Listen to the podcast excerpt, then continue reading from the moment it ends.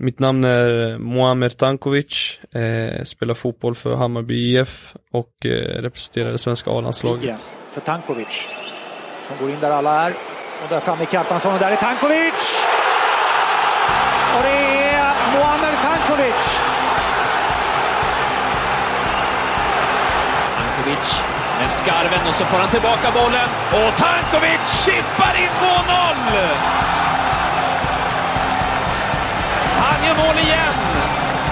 Och det är hur snyggt som helst!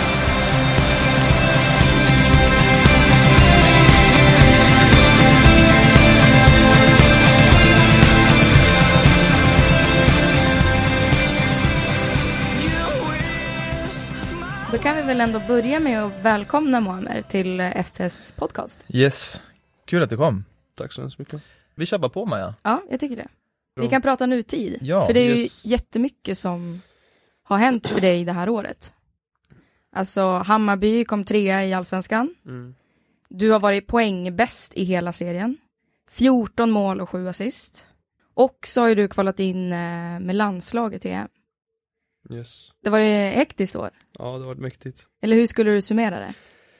Eh, min kompis sa till mig igår att jag ska tatuera in 2019. Han sa att det har varit mitt bästa år hittills. Eh, men ja, vad ska jag säga liksom. Det har, varit, det har varit häftigt, det har varit mäktigt, det har varit en upplevelse som jag, som jag inte kommer glömma såklart. Men eh, man måste ta vara på sådana här situationer och man måste suga in det och verkligen känna sig, känna sig mäktig på, på ett bra sätt. Skulle du säga att du är nöjd över Alltså, det här året? Så? Nöjd och nöjd, alltså grejen är att som fotbollsspelare får du aldrig bli riktigt nöjd. För om du blir nöjd så blir det lätt att du blir rätt så lat och lätt så lutas tillbaka och tänker shit jag är bra, jag behöver inte kanske göra det här arbetet som man gjorde innan. För när man var lite missnöjd så arbetar man lite mer. För när man är riktigt nöjd, nöjd så känner man sig lite för, för bra helt enkelt och kanske inte gör arbetet lika mycket som man gör när man är missnöjd. Så, så man kan aldrig vara nöjd skulle jag säga. Men har du haft, eh, har du varit missnöjd? Alltså som, Ja, jag var alltså Om jag kan vara helt brutalt ärlig så var jag väldigt missnöjd när jag kom tillbaks till Sverige Första gången. Eh, När jag kom tillbaks till Sverige och Då var jag missnöjd På ett sätt. Men eh, Men så snabbt efter det så blev jag nöjd igen. Så blev jag glad För att få spela fotboll igen. Men Just det att jag hade varit i Fulham och sen hade gått till AZ Alkmaar i Holland Och sen att jag hade gått tillbaks till Sverige så kändes det för mig att det var ett stort steg neråt bara såhär spontant direkt så kändes det shit.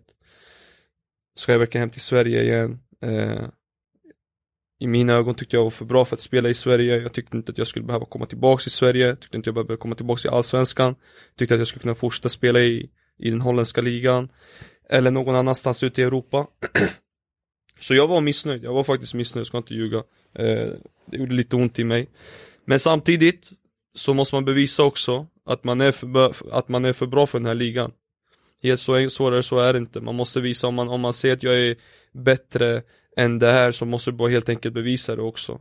Du måste göra bra prestationer för att senare gå vidare igen och det tycker jag ju ändå jag har gjort liksom. Det tog lite tid för mig i början att eh, komma in i den ligan. Jag hade inte spelat, jag hade inte spelat fotboll på ett halvår innan jag kom till Hammarby så jag kom väldigt otränad och eh, mentalt, jag var inte 100% i och allt det här och eh, nej det kändes jobbigt i början men jag visste att jag behövde ett halvår för att suga in mig i allt det här och sen efter det var det bara att köra och sen, sen nu är det, nu är det historia helt enkelt. det kommer ju ett EM Mm, i sommar. mm.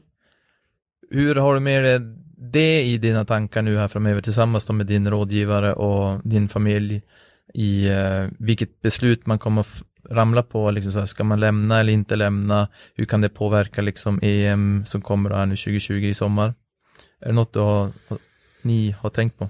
Ja, det är alltså nu blev vi blev nyligen klara till EM och så att man eh, börjar tänka lite på det nu mer och mer. Eh, förut tänkte jag ingenting på det. Eh, men nu har man börjat tänka på det mer och mer såklart och att man har varit med nu i landslaget nu tre gånger och eh, man känner sig eh, bekväm där nu och eh, man är väldigt glad att man är där och representerar Sverige.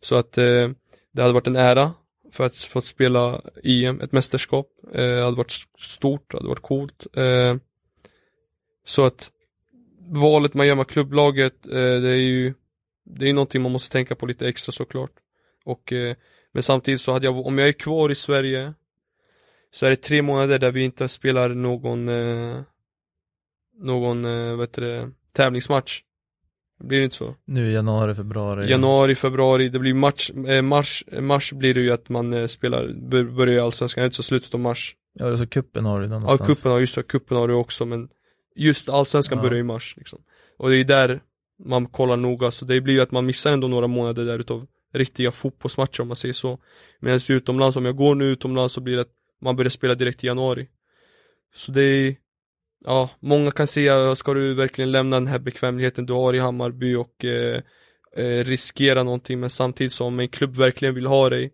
så tar de dig. Inte för att du ska bara sitta på läktaren utan de vill ju ta, de tar ju det för en anledning. Speciellt nu i januari.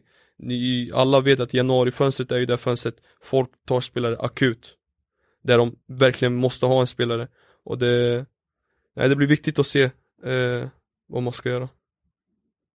Vi ska ju prata mycket mer om eh, ja, men din tid i eh, England Yes. och Holland Mm. och svängen tillbaka och så. Men om vi går tillbaka till nutid Nutid, okej så, eh, så har det ju skrivits en del och snackats lite grann mm, om vad du ska göra efter Bayern. mm, bland annat så hade ju, det ryktas lite grann att du har varit i Italien. mm. Jag vet inte hur mycket du får, får prata om det. Men eh, hur tänker du på framtiden? Vill du utomlands? Är det så viktigt att Ja, sticka? alltså jag vill verkligen utomlands igen. Jag vill verkligen ut i Europa, till de stora ligorna och spela fotboll igen. Det är ingen hemlighet. När jag skrev på för Hammarby så sa jag också att jag, jag kommer hit, jag ska vara här, jag ska prestera, jag ska göra det bra ifrån mig. Jag ska uppnå någonting med Hammarby och sen ska jag vidare, vidare igen. Och det ser ut så som att det kanske kommer gå igenom och eh, jag ser jättemycket fram emot det och i så fall om det händer eh, Serie A i Italien, det är en, eh, en stor liga, det är ett bra steg för mig och Ja, jag ser fram emot det helt enkelt. Framtiden, jag kan inte säga så jättemycket om framtiden egentligen för att jag i Jag börjar tänka helt enkelt att jag tar dag för dag och egentligen jag ser helt enkelt bara hur, hur det kommer bli. Sen, eh, sen vad som blir, blir det helt enkelt. Eh, jag kan inte Jag kan inte sitta här och tänka om, en, om ett halvår eller om ett år är jag där eller här. För eh, för min prestation, så som jag presterat i år så har det varit att jag har tänkt dag för dag. Och det har gjort att jag har kunnat fokusera för, på varje träning och på varje match. Och det har gjort att jag har gett 100% i allt jag har gjort. Eh, Förut när jag var yngre kunde det varit att jag har tänkt mycket på framtiden. Och det var lätt att jag sväva iväg och inte fokusera på där vart jag var här och nu. Och eh, det har jag förbättrats på helt enkelt. Men är du förvånad över att det har gått så bra för dig? Nej, förvånad är jag inte, det skulle jag inte säga. Eh, för vissa andra kanske det är, för om de ser hur jag startade min, min karriär i Hammarby Så är de lite förvånade och tänker shit, han var ju ändå bra liksom. Det är många som säger så nu, alltså fan vad bra du har varit och eh, Du var inte sen när du först kom till Hammarby, men det sa jag också. Jag sa att jag är inte den bästa Tankovic just nu. När jag kom till Hammarby Jag är inte den bästa Tankovic just nu och det kommer ni få se på fotbollsplanen också. Men ni kommer få se inom framtiden att jag kommer, jag kommer prestera jag kommer göra mitt bästa och jag kommer bli bra för jag vet hur bra fotbollsspelare jag är helt enkelt. Jag har alltid trott på mig själv om man säger det så helt enkelt Ändå en skön eh, bekräftelse då. Alltså som att från början gick det lite tungt, mm. men att man ändå, du, hade, du var ju ganska tydlig med det, Mm. alltså som i ditt sätt att kommunicera. Och så leva upp till det. Precis Eh, Så det är ju, det märker man hos vissa fotbollsspelare som har liksom den fallenheten att jag tror att någonstans handlar det om att bygga upp sig, alltså man boostar sig själv, man, Ja, så man, man sätter liksom ribban väldigt, väldigt högt. För det driver en framåt till att kanske göra de, de små för, ja, förändringarna som man behöver göra. Det har ju varit en del snack om hur du har ändrat ditt upplägg liksom tills du har tränat lite extra som jag förstått mm, det. mm. Det var någon intervju med Jimmy Lidberg, fystränare i Hammarby, om hur kring du hade valt bort eh, Palmyra. mm. Kebaben. ja, men jag Ja, bor, ja men jag bor ju där, jag bor i Årsta. ja. Så jag har, ju, jag har aldrig sett, eh, jag har aldrig sett eh, Tankovic där i. Men, Nej, men det har ju varit lite sånt sör. mm, Att du, verkligen att du verkligen som har gjort ett extra jobb. Verkligen, verkligen Men hur har, hur har det sett ut liksom? Nej men alltså jag säger till dig, i början när jag kom hit Du vet jag hade bott utomlands i sex år och sen när jag kom tillbaks till Sverige så kändes det så, så här, shit jag är hemma nu i Sverige så jag vill typ passa på att göra grejer jag hade typ glömt bort lite om fotbollen så jag ville träffa kompisar, jag ville gå och käka lite här och där och du vet svensk kebab finns inte ute i Europa så man ville passa på att äta så mycket kebab som möjligt och få in sig allt det Så det blev lite för mycket och det blev lite slarv i kosten och i träningarna och jag blev lite överviktig och det, ja, det var, blev inte så bra sen på fotbollsplanen helt enkelt. Eh, men sen så Sen så kom vi upp med, med ett upplägg, jag och Jimmy Lidberg och en till kille som heter Alberto om, angående träningarna, hur vi ska sätta upp träningarna, hur vi ska sätta upp kosten och vad jag ska äta och vad jag ska inte äta och vad jag ska dricka och inte dricka så ja, det blev bra efter det. Överviktig, det låter ju allvarligt alltså. Ja men alltså om man, om man kollar på Procent. procent body Exakt, fat procent så det är, du vet ju själv hur fotboll spelar Ja. fettprocent och sånt där. Men det, det är en ganska sjuk grej kan jag tycka som utomstående som Mm. menar, har följt Petter i fotboll och ja, att det är sån viktfokus på fotbollsspelare. Verkligen. Att till och med, du har inte varit överviktig, men Nej. att man blir nästan klassad som det bara för att du inte har den här fettprocenten som man förväntas ha. Precis. Kan inte stämmer. det, jag vet inte hur du själv känner, kan inte det sätta en ganska, Jo, alltså vissa på kan må dåligt av det, mentalt. Alltså men hur har det varit för dig? För mig har det varit ändå, alltså jag har tagit med en klackspark om man säger så liksom att jag har ändå tänkt att om du presterar på fotbollsplanen så, så i slutändan så kommer ingen bry sig egentligen så jättemycket om hur, hur du ligger till fettprocenten. För jag vet när jag först kom till Hammarby så var det så att eh, vi hade Jakob Mikkelsen som tränare och han var extrem, han var, han var verkligen en sån där Okej, vad är fettprocent? Jag måste veta vad är fettprocent är, hur mycket ni springer, hur mycket allt det här, det här, det här. Och det var mycket så här kontrollerat. Och du, du är inte glad så som fotbollsspelare. Du blir inte glad när någon kontrollerar så jättemycket och där du måste tänka på din fettprocent hela tiden. Då blir det mer att du fokuserar på andra saker än på vad du gör på din i din fotboll. Exakt. Men sen så fick han sparken och han gick eh, från Hammarby. Eh, så kom Stefan Billborn och det blev en helt annan, eh, en helt annan story i det. Vi har inte, jag tror i år så har jag kollat min fettprocent två gånger under hela säsongen. Medan mitt halvår när jag var i Hammarby med Mikkelsen så kollade jag kanske så här sex, sju gånger. Bara på ett halvår. Så jag menar det är en stor skillnad på vissa tränare hur de, vad de prioriterar helt enkelt. Stefan prioriterar fotbollen och hur vi ska spela fotboll och hur jag presterar på fotbollsplanen än att han kollar på hur mycket fett jag har i min kropp liksom. Och det har gjort en helt enkelt att det har varit en lättnad för mig att prestera på, min, på fotbollsplanen. Och få ut 100%. Du kan fokusera på det helt enkelt. Ja, helt enkelt på det, på det som är viktigast och det, fotbollen är ju det viktigaste i slutändan. Men det blir lite kebab ibland. Någon gång kan det bli det. Ja, någon gång kan det bli Nej men det är, det är ju verkligen så. Det är, det är så individuellt liksom, för, för alla spelare är olika. För Precis. någon så är det ju viktigt kanske att ha koll. Alltså, som- men alla ser olika ut. Vissa kan inte gå ner till 6% eller 7% Omöjligt. så här, utan det handlar om att hitta den balansen. Så där alltså måste man ju kunna hitta då ett mer individuellt upplägg. Och framförallt, alltså som presterar man på fotbollsplanen, ja men så är det ju liksom det som ska styra, alltså som det fortsatta arbetet och Mm. inte då något så ytligt som en fettprocent liksom. Det är ju... Men det, det kan påverka väldigt många, det har man ju själv upplevt då. Om vi går tillbaka lite i tiden. Så för att vara 24, du är 24 idag. Yes. Visst. Så att för att vara 24 år gammal så har ju du upplevt och gjort ganska mycket ändå inom din fotbollskarriär. Mm. Det måste man ju ändå säga. Och att du var bara 17 år då du lämnade Norrköping. 15, Var du 15? 15. Då du skrev på för Fulham? Skrev på för fulla när jag var 16, men jag lämnade, ja 15 och ett halvt så jag skulle precis fylla 16. Så vi säger jag lämnade när jag var 16. Du var 16 år gammal. Mm. Du var ju inte, alltså, Gammal, du var ju tonåring. Ja, ja det var jag. Men hur minns du eh, den händelsen eller det, det klivet som du tog? Ja, hur jag minns det, jag ska säga att det var då var det att man inte tänkte så mycket på det. Då var det att man bara gick för liksom att Ja, du har ett kontrakt från Fulham, du ska flytta om en vecka och ja det, Vi ska åka ner imorgon och skriva på. Ja okej. Lite så var det liksom. Det var inte så att man tänkte så mycket på att jag kommer eh, åka hem ifrån familjen och man kommer vara eh, Man kommer ta sina kompisar med sig och allting kommer vara nytt. Eh, när man är ung, man tänker inte så jättemycket på sådana saker. Och jag tror det var en fördel för mig också, att jag inte tänkte så mycket, utan att jag bara körde. Och, eh, men, men sen när jag väl var där så var det jobbigt. Ska jag inte ljuga, det var väldigt jobbigt eh, första halvåret, första året. Vad var, det som, vad var det som var så jobbigt? Jag saknade hem. Jag saknade verkligen hem, när jag kom dit så insåg jag att shit, alltså när jag kom dit, jag kommer ihåg att jag landade, skrev på, gjorde allting, så åkte jag hem igen Och så åkte jag bort igen och då när jag kom till eh, där vart jag skulle bo Bodde med en sån, eh, hur säger man, eh, familj En stödfamilj hade du? Ja precis, eller? de jobbar för klubben. Och så de skickar spelare i olika så här, familjer, så jag bodde hos en familj och Familjen, jag hade tur att familjen var hur trevliga som helst och de tog hand om mig, de tog verkligen hand om mig. De hade en son som var i min ålder också. Så det blev att han är 94, jag är 95, det är typ samma ålder och det typ att vi klickade direkt liksom att vi gjorde, vi hade samma intressen, vi kunde spela tv-spel, vi kunde gå ut och spela fotboll, vi kunde gå ut i stan, vi kunde ta en fika, vi, alltså Vi klickade väldigt bra. Så det, det var en väldigt lättnad för mig ändå att ha en person som, som jag klickar med. Men samtidigt så när jag kom dit så, typ ah, var han den enda? Så man saknade ändå sina kompisar, man saknade sin familj. Så det kunde vara hända många gånger man kom hem efter en träning.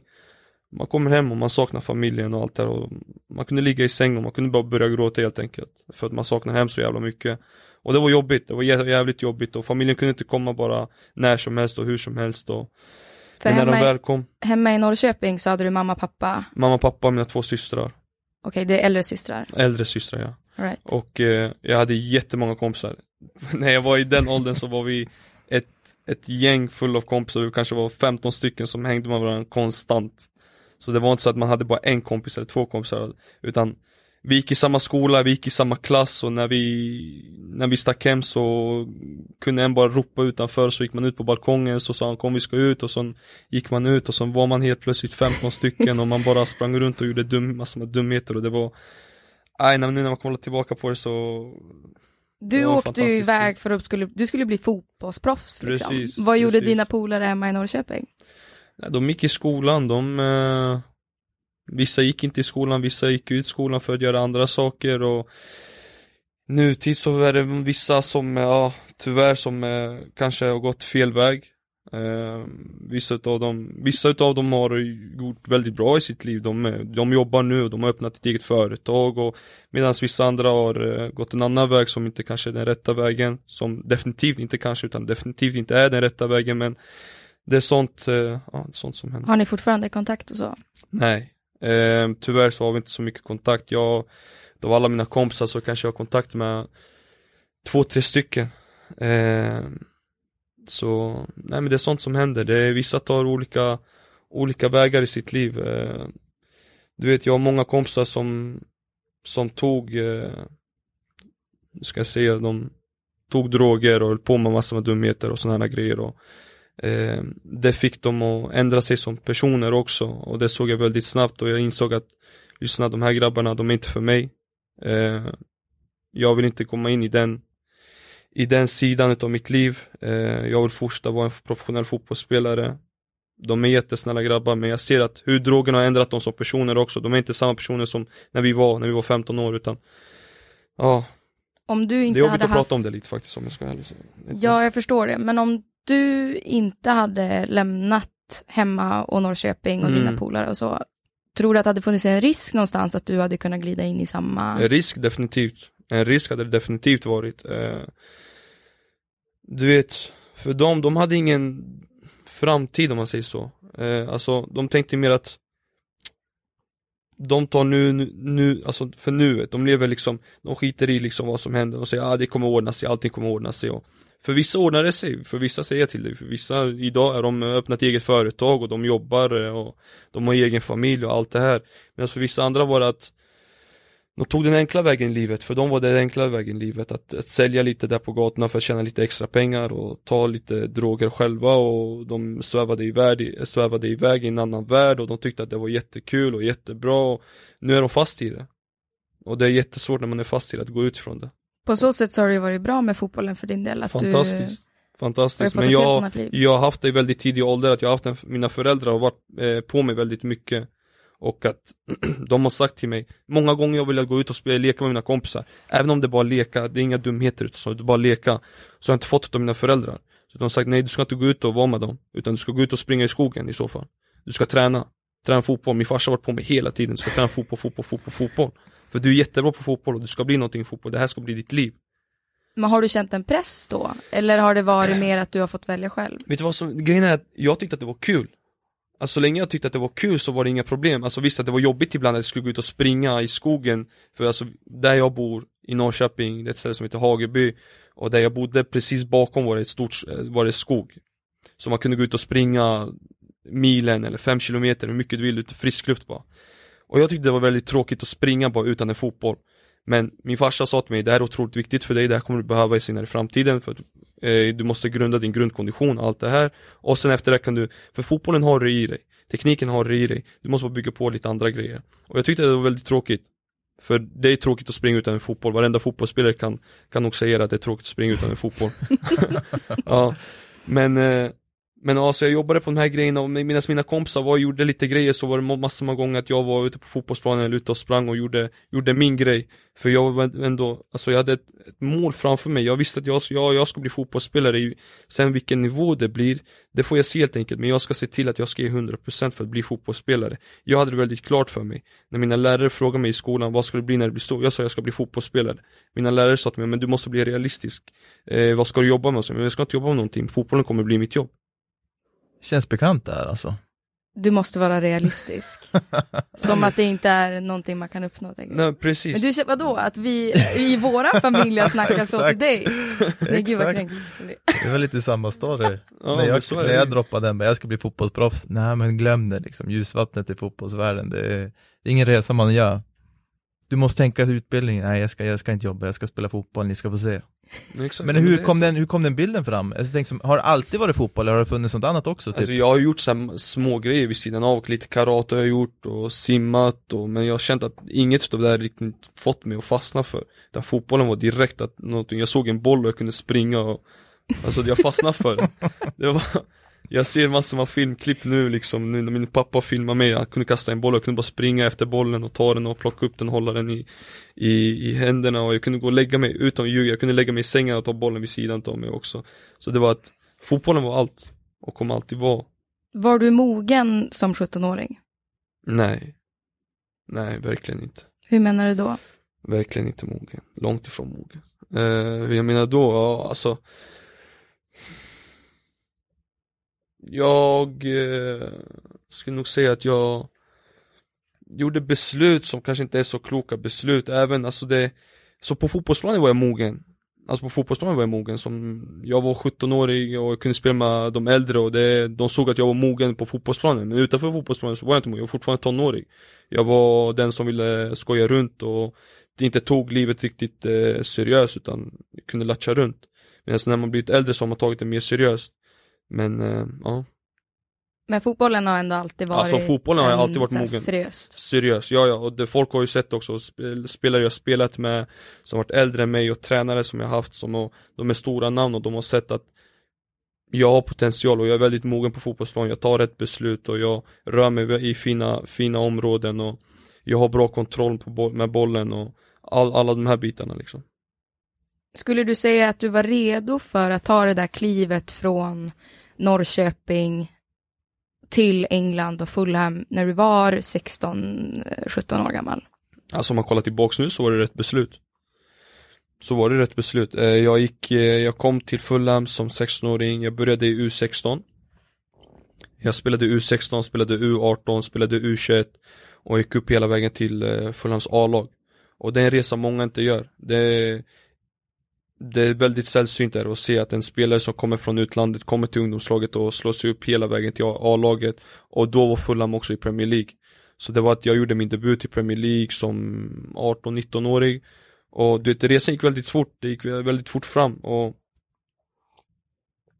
Det var att Jag kommer ihåg att jag pratade med Katja Niklic eh, Som var med mig när jag var i Fulham, nu är han med mig i Hammarby Och han sa Du gick inte på lån någonstans, jag bara nej jag gick inte, jag var inte utlånad någonstans. Han bara så du gick, han bara som jag minns rätt så att du gick upp hela vägen från U16 till A-laget, så jag, ja det stämmer.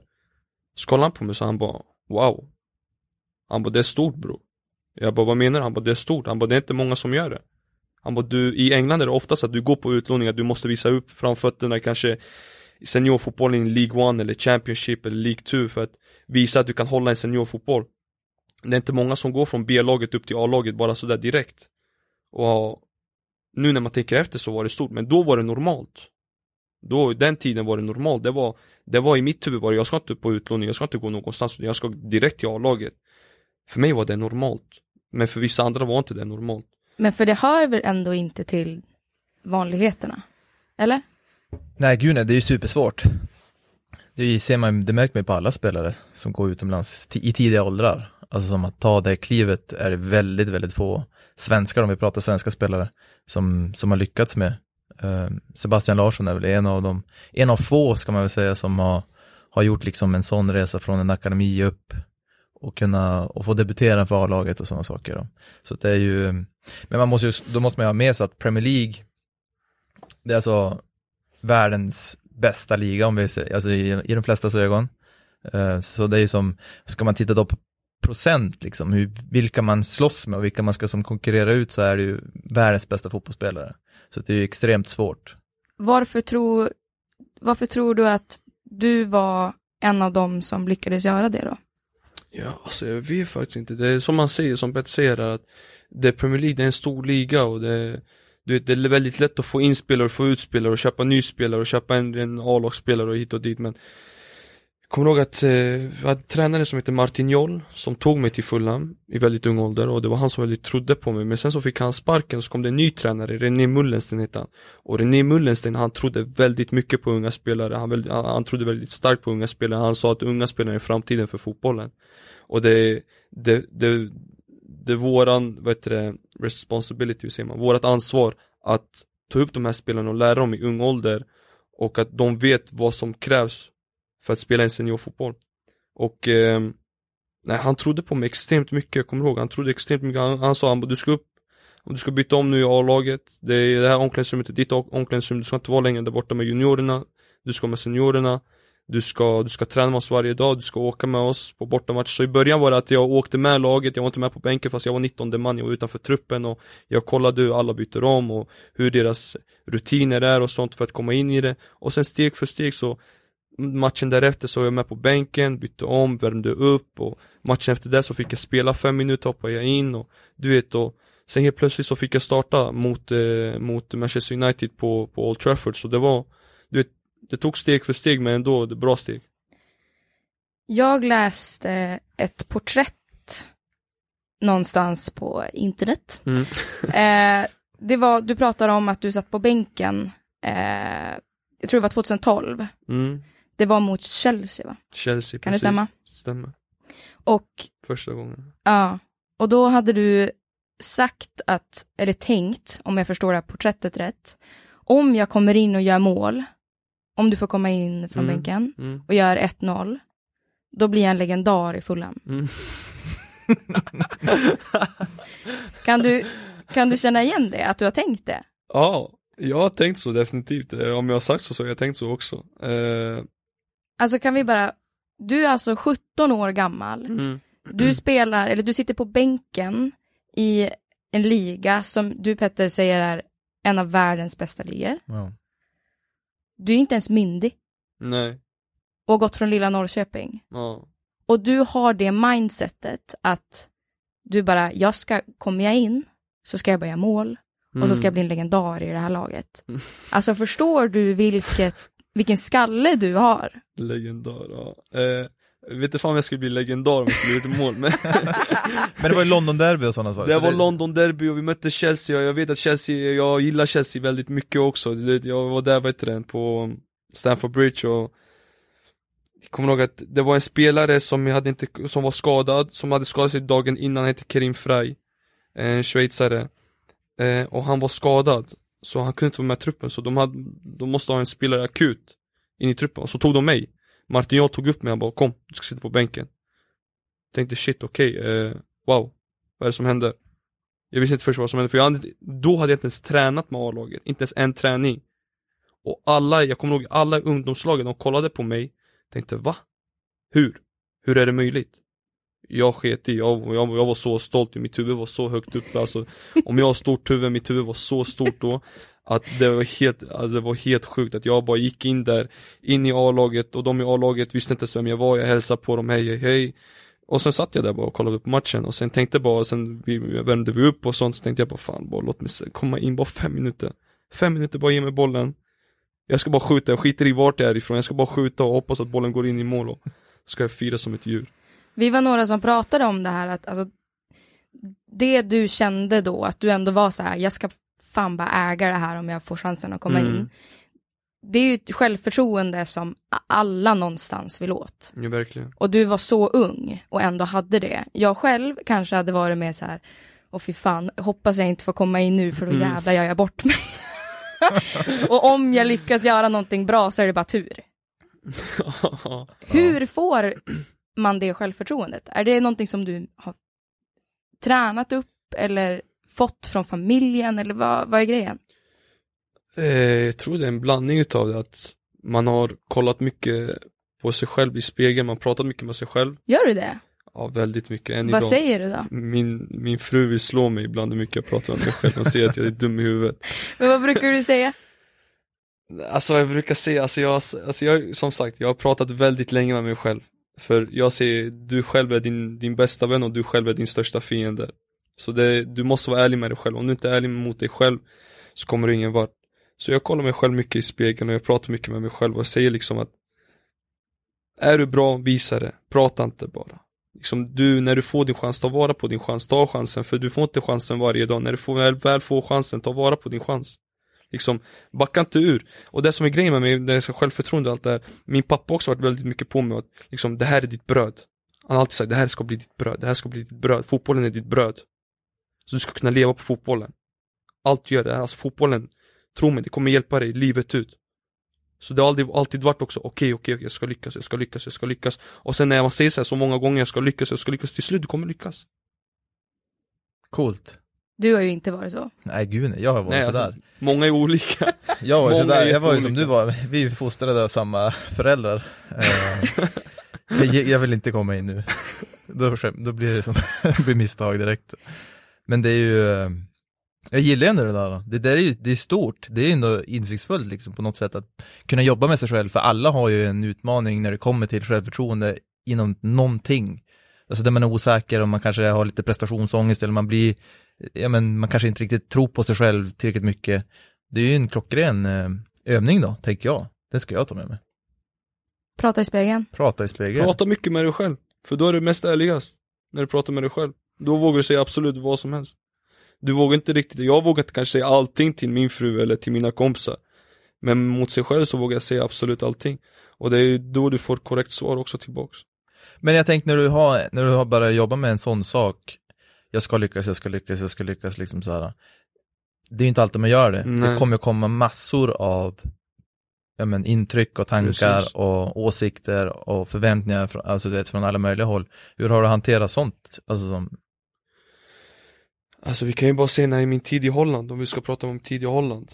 Ja, Ja. för du, du spelade i eh, England och Fulham Precis, och så sen så eh, åkte du iväg till eh, Holland. precis. Så det var ju väldigt eh, lyckat det i Fulham, vad som hände att jag gick från U16 hela vägen upp till A-laget och jag hade lyckats om man säger så. Eh, Jag hade gjort det jag skulle göra, jag hade tre, mitt, mitt kontrakt var tre år och under de här tre åren sa jag till mig själv och jag sa till min pappa, pappa sa också till mig under de här tre åren du ska spela för A-laget, så jag okej. Så hade vi kommit överens att de här tre åren jag ska spela för A-laget. Och om jag ska vara ärlig med dig, jag tänkte aldrig på att vad händer om jag inte gör det? För det fanns inte i mitt huvud. Jag kom, jag, I mitt huvud fanns det bara, jag kommer göra det och punkt slut. Men det hade ju varit som du säger, det hade varit en annan för mig, hade, om jag inte hade gjort det, då hade det varit en stor besvikelse och då kanske jag hade kanske, kanske inte hade spelat fotboll just nu. Man vet att det kanske hade brutit ner mig så, så mycket. Men när jag kom till Holland så hade jag de här förväntningarna på mig att Igen då, jag ska lyckas, jag ska lyckas, jag ska ta steget ut igen, jag ska inte bara vara här i Holland utan jag ska vara här ett, två, max två år och sen ska jag vidare ut igen, jag ska till större ligor, större lag. I mitt huvud var det Real Madrid, AC Milan, Juventus, de här stora lagen i mitt huvud. Jag, jag tänkte jag ska bli världens bästa fotbollsspelare, jag skiter i, jag ska, jag ska gå för det. Och sen gick det väldigt bra också i början i, i AZ, vi spelade första halva säsongen från sommar till vinter så hade jag gjort sju mål, fem assist.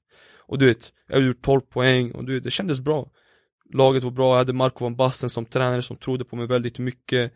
Och du vet, självförtroendet bara höjdes och höjdes och höjdes, jag blev bara större och större. Sen det var en period, Marco van Basten fick eh, hjärtproblem, han hade lite problem fysiskt. Bytte tränare, kom en ny tränare med en annan eh, filosofi. Och han gillade inte mig helt enkelt. Han gillade inte hur jag spelade, han gillade inte hur jag rörde mig, han gillade inte hur jag pratade, han gillade inte hur jag betedde mig. Han tyckte inte om mig helt enkelt. Och det blir mörkt väldigt snabbt om man säger så, det blir mörkt jävligt snabbt och eh, jag fortsätter göra min grej på träningarna, jag vill bevisa han fel, för sån är jag som människa också, jag vill alltid bevisa människor fel. Om de har eh, om de tycker att jag är arrogant, om de tycker att jag är svår att prata med så vill jag bevisa dem fel och jag vill bevisa att de kan prata med mig att jag är inte arrogant utan jag är en fin person egentligen, jag är en lugn person och jag är väldigt jordnära ändå och om de tycker att jag är en dålig fotbollsspelare så vill jag bevisa för dem att jag är en bra fotbollsspelare. Så jag har alltid haft den här eh, mindset att bevisa folk fel.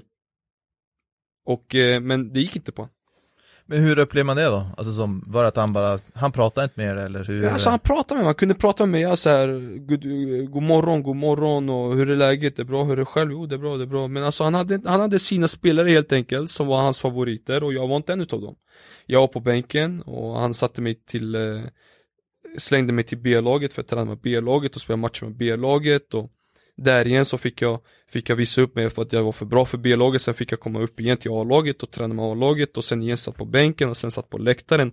Det var cirkus. Alltså helt enkelt cirkus. Och sen när jag fick spela så gjorde jag mål, så tänkte jag okej okay, nu är jag inne igen. Så gick det två, tre matcher. Tredje matchen spelade inte så jättebra. Tillbaks i bänken. Fjärde matchen upp i läktaren. Det var cirkus, det var, det var cirkus. Det var jättejobbigt för mig och det var då där och då kände jag shit, alltså jag kanske inte är så bra som jag tror att jag är. Du började tvivla på Jag började tvivla på mig extremt. Alltså extremt. Jag kommer ihåg jag ringde min mamma, jag grät. Jag var mamma, jag kommer inte lyckas i fotbollen. Mina planer att bli världens bästa fotbollsspelare, de är över jag vet vad jag ska göra, jag vill kanske komma hem igen till Sverige, jag vill få fotbollen igen, jag vill bli glad igen, jag, jag, jag mår inte bra här och allt det här och, och då var jag ensam, då hade jag inte träffat min fru, min fru är holländsk, hon är från Holland. Bosnisk bakgrund men hon är född i Holland och då var jag själv, då var jag helt själv. Jag hade, bott, jag hade en lägenhet som var 120 kvadratmeter och jag var helt själv i den lägenheten. Jag, kände, du vet, jag, hade inte, jag kom inte så, eller så nära folket i laget. Det var vissa svenskar där, Mattias Johansson, Viktor Elm och Denny Avdic. De kom jag lite närmare för du vet, som pratade svenska språket och vi gillade, vi hade samma intresse och allt det här. Men vissa andra, det kom inte in så jättebra i laget. Eh, så det var jobbigt. Man kände sig ensam, man kände sig inte så bra, man kände sig eh, ska jag säga, man kände sig inte värdefull, mm. om man säger så. Och det var jobbigt, det var jättejobbigt, man, man såg svart och man visste inte vad man skulle göra och man mådde dåligt. Och då var det mamma som var? Då var det mamma, då var mamma den första jag ringde. Jag vill inte prata på, jag vill inte ringa pappa. För jag vet hur, hur det kommer snacka med pappa Han kommer säga håll käften, borra ner huvudet och gör allt vad du kan. Eh, Medan mamma är mer den här mjuka personen. Det är henne du kan prata med om känslor och och gå igenom allting liksom. Och du vet mina föräldrar, de, de har sina delar. Och det jag tycker jättebra med mina föräldrar, att pappa är så, mamma är så. Du vet när du ska gå till pappa och prata med pappa och du vet när du ska prata med mamma när, ska, när, när hon ska ta över. Och det, de har ett fantastiskt bra samarbete som har hjälpt mig i min fotbollskarriär. Och när jag mått dåligt och velat prata om mina känslor, få ut mina känslor så har mamma varit den. Men när jag vill prata om hur bli starkare och motivera mig och bli bättre som fotbollsspelare och bli mer aggressiv. Då är det pappa jag pratar med. Så det är, ja. Det är klockrent ju. Att det är så ändå att tränarna har så stor eh, påverkan mm. på spelare. Ja, det är sjukt. Ja, men de är ju chefen. Precis. Alltså som, de är ju, de har ju också ett ansvar. De har ett jobb som ska uppfyllas från en styrelse då, som ett, som ett företag betraktat. Så att där är det ju, det är väldigt känsligt, alltså det är ju väldigt mycket tränarna som styr alla har ju sin filosofi som, som Mamer, eller Tankovic som jag kallar honom för, Tankovic, eh, berättar liksom att det kan komma en ny tränare med en ny filosofi som vill spela på ett lite annorlunda sätt, men spelarna som finns i truppen kanske är anpassade till den förra tränaren Precis. och därav så, så händer en massa saker. Och det är då spelarna blir väldigt utsatta. Alltså att det blir väldigt lätt då att man kanske känner den här, oj, den här, han tittar inte ens på mig. Alltså jag kan aldrig göra han nöjd. Uh, och det är jättevanligt. Och mm. sånt påverkar ju spelarnas välmående supermycket. Uh, och det är, ju, det är väl någonstans därifrån som all den här psykiska ohälsan som kommer ifrån. Att det, det, är så otryggt. Man vet inte riktigt vad, ja men, vad man ska göra, vem man ska vända sig till. Det är ju Precis. bara tur att liksom att du i ditt fall har mamma som du kan vara lite mer känslosam med och prata om lite djupare saker och så att du har pappa, alltså Mm. du har den, du har de människorna i ditt liv, men det är inte alla som har det. Nej, precis. Och då, då är man själv med de, de tankarna. Vem kan man vända sig till i en klubb då? Om, ja, men till exempel i ditt fall att du kände bara, alltså jag mår inget bra, det här funkar inte, jag tror inte på mig själv. mm. Vad finns det för stöd, eller vad hade du för stöd från klubben? Alltså från klubben, alltså Grejen är så här, jag vill bara säga att när jag tänkte så här, när det var den här situationen var att eh, Jag tänkte om jag inte lyckas här i Holland så kommer jag inte lyckas någonstans med fotbollskarriär Men så är det inte så är det inte, om du inte lyckas i en fotbollsklubb så betyder det inte att du kommer lyckas i någon annan fotbollsklubb. Utan det finns alltid någon som gillar dig och det finns alltid någon som kommer tro på dig. Men om vi går tillbaka till det att eh, Vem jag snackar med i klubben Alltså rent från klubben så var det inte så jättemånga man kunde gå och prata med. Som tur är vi, så and, mitt andra år i, i AZ så kom det en assisterande tränare som heter Li, eh, Leroy Ekdal. Och han var fantastisk. Han var så underbar. Och han såg vad jag var för fotbollsspelare och han digade mig enormt och han gillade fotbollsspelare Han- När fotbollsspelare, han gillade tekniska spelare, han gillade spelare som var bra för spelförståelse Som har öga för fotboll helt enkelt eh, Och han såg att jag blev orättvist behandlad han kunde komma många gånger fram till mig och vi kunde bara prata. Han såg att jag kunde må dåligt och han sa lyssna Mojo. Det enda du sårar just nu när du mår dåligt är dig själv. När du är ledsen, tror du att tränaren är ledsen åt dig? Nej det är han inte. Tränaren kommer fortsätta göra sitt jobb och sitt arbete. Utan den mä- människan du sårar mest är dig själv. Så om du tänker nej men jag vill inte springa på träningen. Det enda du skadar är dig själv. Om inte du vill jobba, då skadar du dig själv. Men om du vill jobba så kommer du bli bättre. Och du kan bara förbättra dig själv. Alltså, det låter ju helt, eh, vilken bra assisterande coach. Ja, fantastiskt, För fantastiskt. Alltså för det är ju någonstans det det handlar om. Det är ju ett jobb. Någonstans så är det ju som det ansvaret alla spelarna har mot sig själv liksom. Man har, alla har ju den här, den här drömmen som man har jagat från det att man var liten. Och ju, så, och ju så fort man liksom börjar vända sig utåt och beskylla andra till att kanske det inte lyckas så som man vill, så har man ju direkt klivit bort från sitt eget ansvar och egentligen med risk, med risk då liksom att man kan Mm. Alltså att karriären bara dalar liksom därifrån. Men att man kan vända på det. Men jag tänkte som, som jag, jag följer ju, alltså jag är väldigt nyfiken runt spelutveckling och innovation och sådana saker. Och Alkmaar har ju en, en ganska häftig approach på spelutveckling. Väldigt, verkligen. De har ju ett, eh, alltså de har ju bland annat en kille som heter Marain Böjker som är då Head of Performance och Innovation. Eh, och som jag har läst på lite grann om det här, för det är liksom ett intresse jag har. Eh, vad har du fått med dig från din tid i Alkmaar när det kommer till som det sättet som de arbetar på? För de, de jobbar lite grann med så kognitiv träning och mental utveckling och sådana saker som jag förstått det. Mm. Eh, är det någonting som du som har, Det var väldigt nytt när jag var där dock. okej, När jag var där så var det väldigt nytt. Det var någonting de hade precis börjat, eh, börjat arbeta med.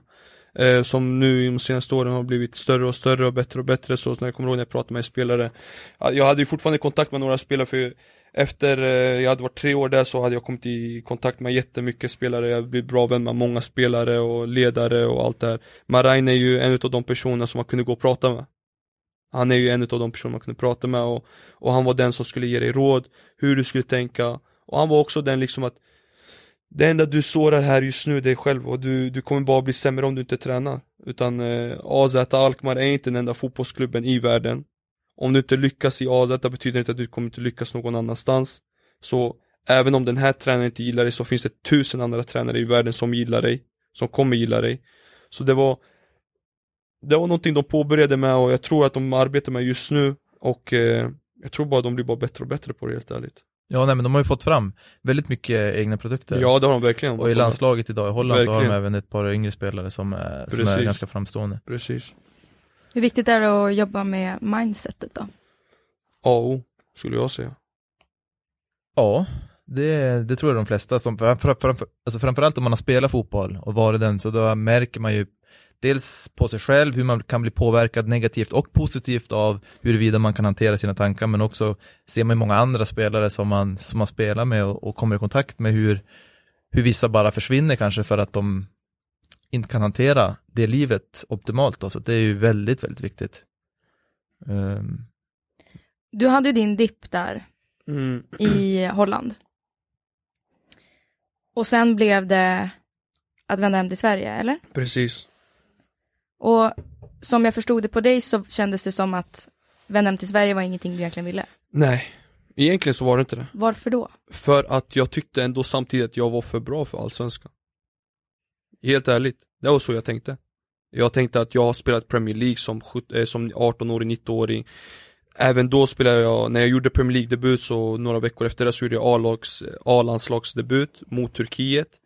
Och eh, jag hade, ja, alltså jag svävade iväg. Jag spelade i holländska ligan, Premier League, A-landslaget. Så i mitt huvud var det inte aktuellt att spela i Allsvenskan. Jag tyckte att Allsvenskan var för dålig för mig, helt enkelt. Jag måste bara fråga, det var ju en diskussion när du snack, när snackades om att du skulle till eh, landslaget. Ja, Så stod det mellan antingen Sverige eller Bosnien. ja, Så hade Zlatan snackat med dig va? ja precis. Vad sa Zlatan till dig? vad han sa, precis, det var, först och främst var det mäktigt att han ringde. Det var coolt, för eh, man hade sett upp till Zlatan i ung ålder och man såg Zlatan som en förebild, så när han ringde så var man väldigt starstruck. Och man fick inte ut riktigt orden man ville få ut. Eh, men i slutändan så gjorde han det avslappnad och sen vi hade en lång konversation och Bra konversation var det, det var en rolig konversation. Eh, Du det vill var... inte säga vad han sa? Nej, inte direkt. Det var, det var en bra och rolig konversation, men samtidigt så var det inte bara Zlatan jag pratade med när det kommer till landslaget. När jag pratade med Erik Hamrén som var då förbundskapten och snackade även med Håkan Eriksson som var u landslagstränare då och eh, vet han, anfallaren spelade, som var assisterande för Erik. Albeck. Albeck, exakt. Eh, pratade med han också. Och eh, så jag hade kontakt med, med dem i, i landslaget. Men, eh, men ja, Allsvenskan? allsvenskan. Helt enkelt tyckte jag var för dålig för mig. Och eh, Varför blev det Bayern då? varför det blir Bayern vet jag inte. Jag, jag tänkte helt enkelt, min pappa sa det också i mig. Tycker du att allsvenskan är för dålig för dig, då måste du gå dit och bevisa för det också. Prata inte bara och tro att du är för bra för, för, för allsvenskan, utan gå dit och bevisa det. Han sa, jag tror också att du kommer själv se att allsvenskan är inte så dålig som du tror att den är. För när du väl spelar i den så kommer du få se hur bra den egentligen är. Så jag okej, vi får se. Vi tar det. Och sen var det mellan eh, Hammarby och Norrköping. Det var mest, det var aktuellt från andra lag också, de var intresserade. Men de som var väldigt, verkligen ville ha mig, det var Norrköping och Hammarby. Eh, Norrköping har jag alltid haft. Eh, de var alltid intresserade, de ville, de var, de var alltid, deras dörr var alltid öppen för mig att komma tillbaks och spela för dem. Men jag kände bara att jag vill inte riktigt komma hem hem. Alltså om jag kommer till Sverige så vill jag ändå vara i Stockholm. Eller någonstans där det inte känns som riktigt hemma. För jag är rädd att om det känns som hemma kommer jag bli för bekväm. Och då vet jag fan om det kommer gå så bra. Och jag kände att kanske Hammarby större, lite, inte större klubb direkt, men Stockholm större stad, mer intresse i, i Stockholmklubbarna är det, vad- än vad det är i de mindre klubbarna i Sverige och eh, det är lättare för folk att komma, scouter, agenter och andra klubbar när de ska komma och kolla på laget, de kommer och kolla på ett Stockholmslag. Eh, mycket enklare för dem att komma hit. Så jag tänkte att mitt fönster kanske blir ännu större om jag går till ett Stockholmslag. Och eh, ja, Du resonerar ju ändå ganska annorlunda från hur många andra kanske gör. För jag menar det här med att vara trygg och känna en bekvämlighet och okej men här, här känner jag mig safe. När man ska välja en klubb eller om man ska flytta till en ny stad eller om man inte spelar fotboll och ska Mm. göra någonting annat. Att man letar efter en trygghet. Men det känns lite grann som att du inte letade den utan du snarare bara jag behöver utmana mig själv.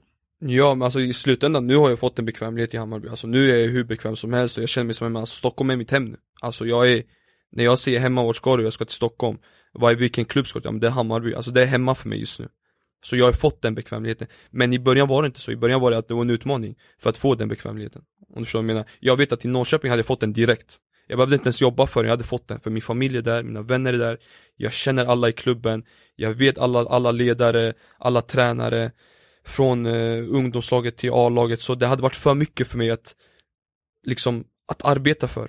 Jag hade blivit bekväm, jag hade börjat hänga med mina kompisar på kvällarna igen. Jag hade kanske kommit trött på träningarna för att jag är med mina kompisar sent på kvällarna. Så jag visste att om jag ska tillbaka till Sverige så måste jag gå någonstans där jag ska utmana mig själv och Hammarby var perfekt klubb för att utmana mig själv för Hammarby när jag kom var på 12 plats, 11, tionde, någonstans där, där i mitten Ingen hade några förhoppningar på Hammarby.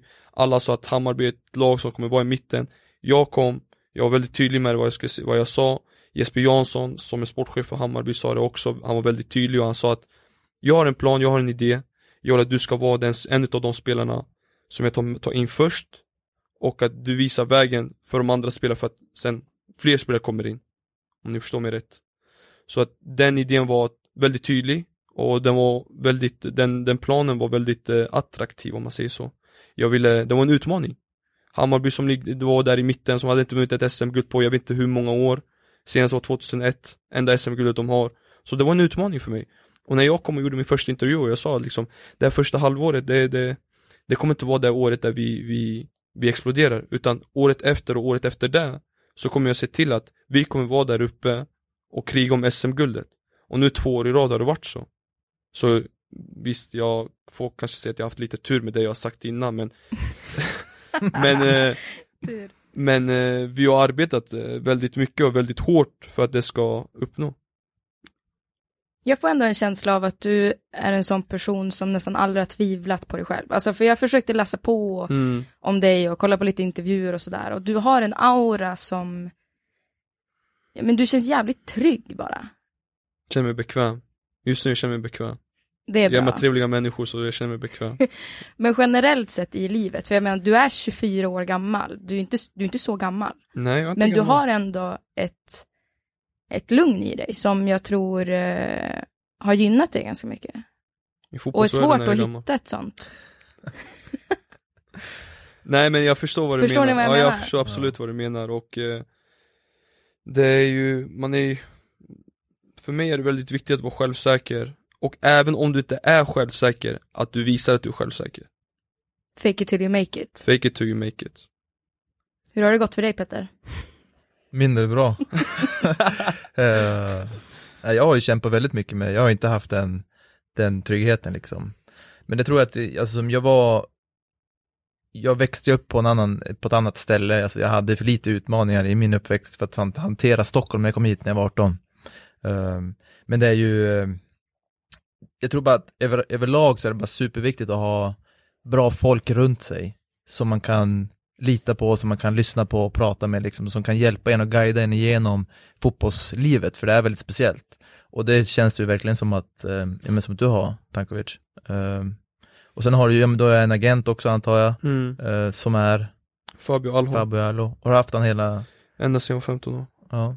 Så det är ju, alltså, det i sig skapar ju också den här tryggheten, att man har folk ja, men som man verkligen, som, som ger en det man behöver som människa, som man, de fyller de behoven som man kanske har, och som, som kan hjälpa en och som hanterar de utmaningar som finns. Men för mig så var det eh, svårare. Ja det är olika, nej men det är olika Det är, det är olika vägar till Rom, är det inte så man säger? Det är inte bara en väg till Rom ja. Nej men alltså det är ju vissa människor som Petter han kan Vi kanske spelar samma nivå men vi har olika mindset på det Så det är, det är inget konstigt, det är, alla, alla människor är olika, alla är inte samma likadana Men hur, hur, stor del, hur stor grej var det för dig att som verkligen ta det beslutet att gå hem till Sverige? Alltså jag kan tänka mig att i mångas värld så är nej jag ska stanna ute så länge jag bara kan. mm. Eh, Men det var ju så jag tänkte också För att komma hem då riskar jag liksom, jag tar mig inte ut igen. Det var det så, svårt. Det är precis så jag tänkte också Ja. Det var precis så jag tänkte Jag tänkte att jag, och min familj däremot, de var ju väldigt eh, Väldigt klara med att Ja men nu är du hemma i Sverige, du kommer inte gå ut igen. Jag ska vara ärlig med dig, det var så snacket gick hemma. Liksom att nu är jag skrivit på för Hammarby, tre års kontrakt, okej, okay, kommer du skriva på ett nytt igen med Hammarby. De var väldigt eh, Deras mindset var att jag kommer vara kvar i Sverige eh, i väldigt, eh, en väldigt lång period. Och de tänkte att jag kommer inte kunna gå utomlands igen utan att de, den bron är redan förstörd om man säger så. Och eh, men jag Kan det inte tvungen- vara lite grann så att de också kanske ville att du skulle vara kvar i Sverige? För men det är familj, Kan du kommer ju mycket närmare. Absolut, ja ja, nej men alltså När jag pratade med min äldsta syster så hon, hon var ex, alltså enorm, hon var jätteglad när jag kom tillbaks till Sverige Alltså jag var lite arg på henne att hon blev så glad Men det är för att hon hon, hon visste nu kan vi umgås och nu kan vi spendera tid som vi hade missat och allt det här. Och min mamma också var skitglad, en, enormt glad var hon att, att jag kom hem igen, nu kan hon bara sätta sig i bilen från Norrköping till Stockholm, tar en och en halv timme för att kolla på mig spela fotboll. Utan hon hade inte gjort det på sex år, det var inte, du vet, hon måste boka flygbiljett och allt det här och för att komma och kolla på mig när jag spelade i Holland, när jag spelade i England och det var ändå en lättnad för dem när jag kom tillbaks till Sverige. Men för mig var det inte så jättestor lättnad. Jag som journalist har ju intervjuat ja, men, fotbollsspelare och, och kändisar, ja men spelar roll, men kanske Mm. främst inom idrott, eh, så har jag upplevt att det finns, det är ganska svårt för mig som journalist att komma under huden på fotbollsspelare. Och jag vet inte om det har att göra med att jag som journalist ställer väldigt ytliga frågor, eller om det finns en kultur där det är så här, ja men jag som fotbollsspelare, jag ger svaren som de vill ha. Det handlar om statistik, det handlar om hur jag för mig på planen. Men att man kommer sällan under huden på människor, att det är svårt att öppna upp sig och prata känslor och prata vad som är tufft eller hur det nu är. Jag vet inte hur du upplever fotbollsbranschen. Är den ganska stängd? Är det okej att vara svag? Är det okej att prata känslor? Jag vet inte, hur upplever du?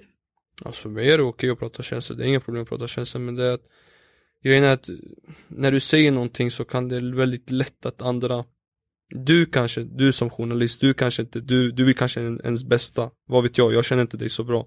Men du kanske vill verkligen det bästa, få ut det som är positivt. Medan andra De vill bara få ut och göra en, att det ska bli en rubrik av det hela. Vem vet, kanske efter den här intervjun att någon har plockat ut en rubrik och lägger ut det på fotbollskanalen, Expressen eller vad vet jag. Utan, Och sen blir det helt plötsligt, åh, oh, Tankovic sa så här. Han gör så här. Då blir det helt plötsligt, oh shit, nästa gång kommer jag inte säga så. Och därefter kommer det bli, nästa gång du har intervjuat Du är mer tillbaka, du ger inte för mycket Du är inte svar på allt helt enkelt. Du öppnar inte upp dig så som du ser att man, man blir väldigt låst. Och det, där, det är medias fel helt enkelt. Det är ju ett problem. Det är, alltså det, problem och problem vet att det, de gör ju sitt jobb, de vill ju ha rubriker, de vill ju ha tittare Så när de lägger in en fet rubrik så tänker oh vad, vad har han sagt nu? Tack, en klick så går de in och kollar på det Då har de ökat ju sin, eh, ser man? Sina tittare Och det är där branschen går för, de vill ha mer, desto mer tittare och desto mer läsare är det ju bättre för dem Men hur öppen är man i en klubb då och mellan spelare? För jag menar, ni är ju absolut är man vänner, men man är också konkurrenter. Ja, nej men det är nog väldigt olika tror jag. Man skapar ju säkert vissa band med vissa spelare. Alltså som där kan man ha en ganska öppen relation, men jag tror ändå den, den hålls ändå på en viss nivå. Uh, för att man, man, man vet också hur fotbollen är. Helt plötsligt varje vinter, varje sommar liksom, så händer det grejer. Helt plötsligt så är Tankovic borta liksom, om det har varit min vän kanske. Alltså att man, det är svårt att bygga de banden och bygga liksom den tilliten kanske till varandra fullt ut för att kunna vara superöppen. Eh, och det gäller även mot tränarna, för att som, som jag var inne på tidigare, liksom, tränarna är ju ens chef. Och man, jag tror att det finns en, en liten rädsla i vissa fall att visa sig kanske för sårbar för att, eller att man är låg av någon speciell anledning, för att det kanske kan påverka huruvida han, han väljer ut laget liksom till helgen. Så att det, det är en hårfin balans där. Då. Ni två känner ju också Kristoffer Olsson. Ja, och tala om vänner och så i... mm. ja, ja, Ja, jag är uppväxt med Kristoffer Olsson, jag har spelat med honom ända sedan jag var tio år gammal så Jag känner honom väldigt bra. Ja, och nu är det ju landslaget och Mm. hur har det funkat? Mäktigt. Det var mäktigt, det var coolt. Eh, Jag blev glad Om man säger så.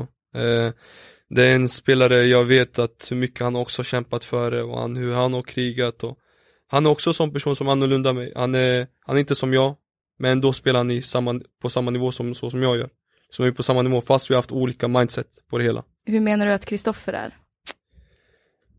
hur ska, hur ska jag säga Kristoffer? Kristoffer är väldigt, han är en väldigt lugn person. Han tar in information väldigt snabbt. Fantastiskt bra fotbollsspelare.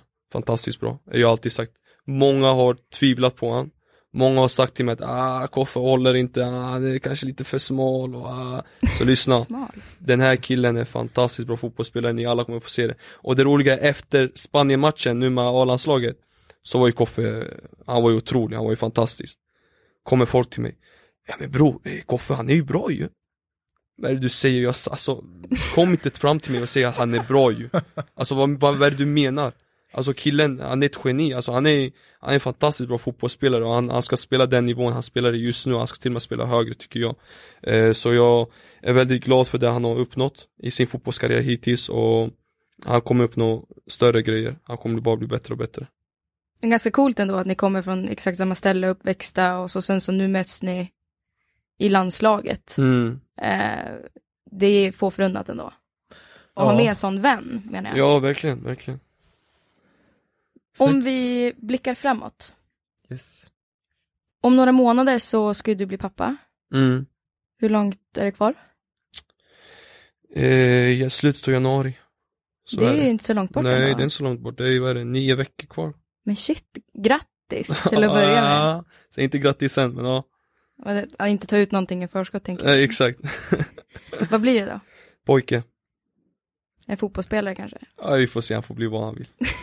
är det så? Så säger man, men sen får man se vad man gör hemma.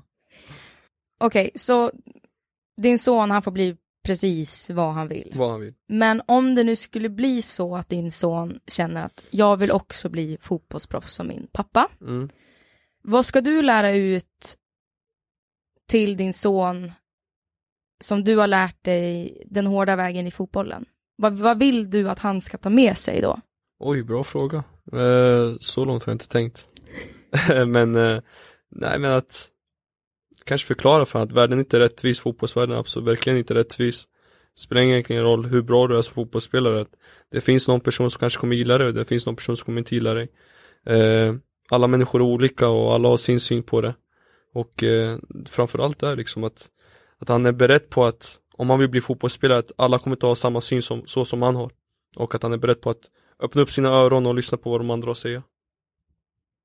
Vad skulle du säga är hemligheten för att bli fotbollsproffs? Om du skulle bara peka ut på de viktiga beståndsdelarna. Det här behöver du. Först och främst ska du, när du börjar spela fotboll ska du tycka att det är kul. Det är ju först och främst, du ska tycka att det här är kul, det här vill du göra. Utan ingen ska bara tvinga fram dig. Det finns jättemånga föräldrar där ute som tvingar sina, sina, sina, sina barn att, att spela fotboll för att de vill att de ska spela fotboll. Så först och främst ska du tycka att det är kul och du själv ska vilja spela fotboll. Sen är det ju det här typiska liksom att man måste arbeta, arbeta hårt och vilja eh, ge 100% eh, på fotbollsplanen och utanför fotbollsplanen och kosten och sömnen och allt det här är ju det viktigaste helt enkelt.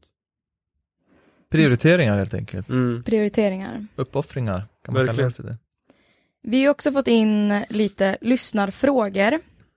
Som jag tänker att jag läser upp och så kör vi. Yes.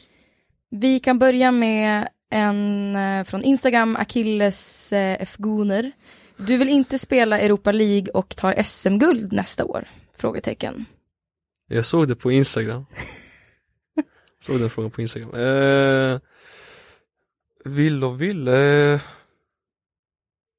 ingenting är garanterat. Eh, att spela Europa League, vi ska gå in i kvalet och spela Europa League. Som sagt, jag är fortfarande en Hammarby-spelare. Så det är ingenting är klart ännu. Så det är mycket möjligt att eh, de får se mig och att spela Europa och eh, kanske till och med vinna SM-guld. Så det, ingenting är klart ännu. Djokovic 91. Vilka är de viktigaste lärdomarna under första utlandssessionen? Alltså första tiden som du var i- utomlands i Mm, England. Mm. Vilka är de viktigaste lärdomarna från det? Ja, nu måste jag tänka lite. Man måste arbeta hårt, man måste jobba hårdare än vad dina lagkamrater gör. Eh, måste arbeta, du har det, i utomlands är det en otroligt mer eh, konkurrenssituation än vad det är hemma i Sverige. Där är det väldigt enkelt att få, inspelare in spelare från eh, hela världen. Eh, ekonomiskt sett så är det mycket, mycket starkare än vad det är hemma i Sverige. Så det måste se till att du är på dina tår och, och att eh, du arbetar hårdare än vad de andra gör helt enkelt. Odell 86, när du tittar tillbaka på din tid i Bayern, var det ett nödvändigt steg i din karriär? Få tillbaka glädjen? Frågetecken. Nu när jag kollar tillbaka så tycker jag verkligen att det var nödvändigt. Eh, som sagt i början var jag väldigt skeptisk. Eh, men nu när jag kollar tillbaka så var det verkligen rätt beslut. Det var rätt klubbval också. Eh, och eh, jag, jag får ett, eh, jag blir jätteglad när jag tänker på hur min tid i Bayern har varit hittills. Och eh, ja, nu är okej, är det Note Quires? Not, not, Note queries. note Quires. Vi, har lite, vi har varit inne lite grann på det här, men vi tar den igen. Ja. Hur går tankarna när man beslutar sig för att vända tillbaka till Sverige när karriären inte tagit fart som man hoppats på utomlands? Gärna en beskrivning av hela resan, uppgång, fall, revansch, forsa. oj, han vill ha en hel bok alltså. Du kan välja. Nej men alltså att eh, först och främst så ska du vara, ska du ha en målsättning att eh, när du kommer tillbaka till Sverige, vad, eller till någon annan klubb, vad är det som ska driva dig för att nå nästa steg igen? Eh, så målsättning är ju A och O. Eh, Vad man vill få ut vad man vill få ut helt någonstans. enkelt. Eh, och att, eh, för mig var det viktigaste att få ut glädjen igen. Eh, att bli glad igen och spela fotboll och verkligen skratta när jag spelar fotboll, inte bara att vara seriös som man var mycket i Holland, att man ska vara seriös utan skratta inte när det värmer upp utan här var det mer att man kommer in, man skrattar med lagkamrater, man går ut på fotbollsplan, man fortsätter skratta men samtidigt så gör man jättebra träning. Man är professionell men samtidigt som man kan skratta, man kan prata med tränarna. I Sverige är det som är väldigt enkelt att man kan prata med tränarna. I alla fall i min åsikt, att det är väldigt enkelt för mig att prata med Stefan Billborn och Jocke Björklund och Pablo Piones och Janne Mian och alla de här. Så var det väldigt enkelt för mig att bara gå fram till dem och säga så som jag tycker och tänker och de säger så vad de tycker och tänker och vi har haft en konversation och för mig är det A och O. Det är jätteviktigt att kunna ha en konversation med sin tränare och se vad han tycker, vad han tycker att jag ska förbättra och vad han tycker att jag inte ska göra eller vad. Och utomlands är det totally different, alltså det är en annan story. Men hur mycket ska man lyssna på tränaren då? Nej, självklart ska du lyssna på tränarna, men man måste ju också någonstans lyssna på sig själv också. Alltså, det, man ska inte forma sig helt och hållet kanske efter det tränaren säger och vill att man ska, ska alltså, som spela fotboll på det sättet den vill, men man måste ju förhålla sig till taktiska frågor som sköter sin roll i ett lag, för det är ju trots allt det man är och man har ett gemensamt mål att vinna matcher.